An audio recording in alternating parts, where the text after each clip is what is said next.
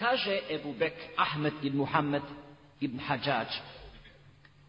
Čuo sam čovjeka iz Tarsusa kako priča nakon što je Ahmed ibn Hanbel umro zamolio sam Allaha subhanahu wa ta'ala da mi da znak u snu da vidim gdje je završio i molio sam ga molio i tek nakon deset godina od prve one dove u su mi došli činovnici Kaburova i pitaju me jesi li ti Ahmed, ovaj koji je to, eh, koji je to sanjao, rekao jesam.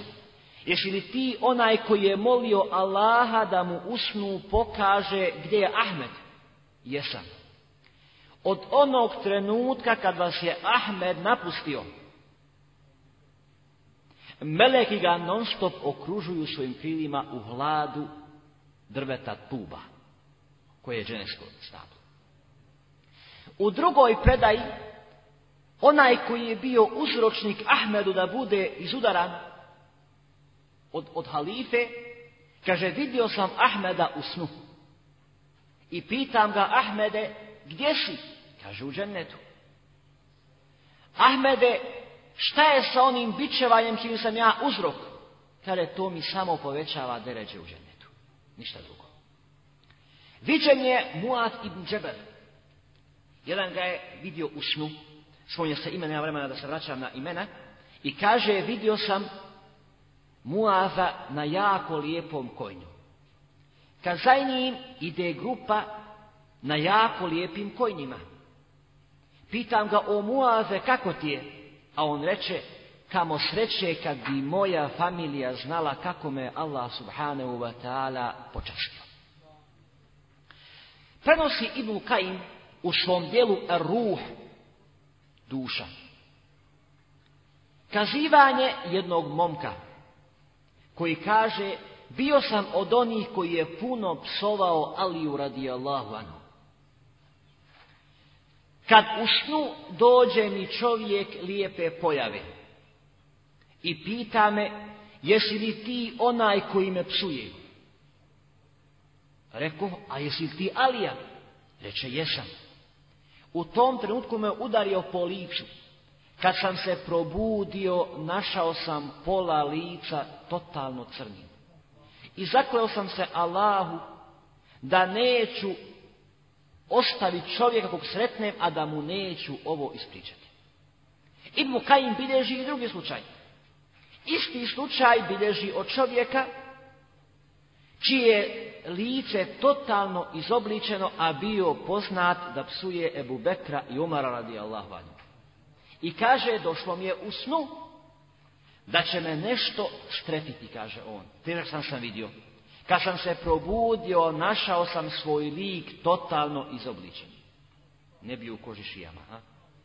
Da Allah subhanahu wa ta'ala nas sačuva fitneta iskušenja i da ako Bog da budemo od onih čiji će snovi biti iskreni i da budemo od onih koji će sanjati pobjedonosne snove ako Bog da. I da završim s hadisom poslanika sallallahu alaihi sallam. Kaže Resul sallallahu alaihi sallam ko bilježi imam Buhari od im Abasa radijallahu anhuma Men tahallama bi hulmin lem jerehu kulli fe en jaqude bejne ša'iretejni Ko bude govorio da je vidio san koji nije vidio, na kijameskom danu bit će zadužen da zaveže dva pšenična zrna, a neće moći. U drugoj predaji bit će zadužen da zaveže dva kraja jednog pšeničnog zrna, neće moći.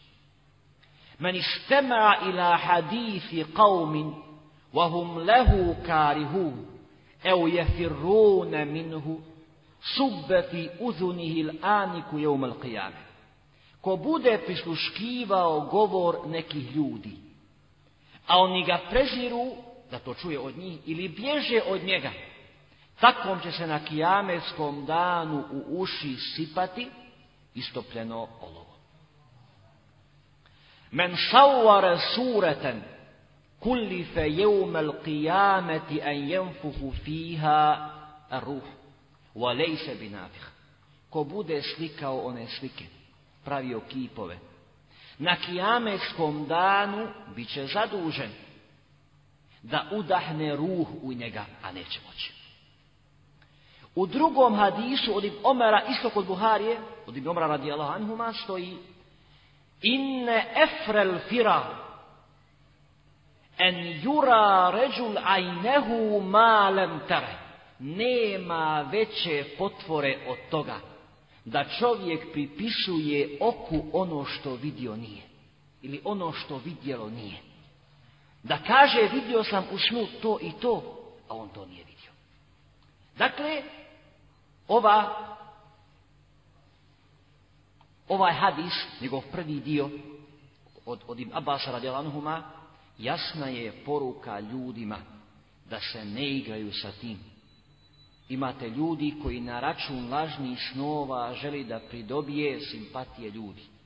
Pogotovo ako kaže sanjao sam poslanika sallallahu sam. Sanjao sam da će za pet godina Bosna biti islamska država, pobijedit ćemo Srbe i Hrvate, raspravit ćemo sve, bit ćemo Hrvate. Sanjao sam ovo, sanjao sam ono. Dakle, teško onome ko laže osnovima.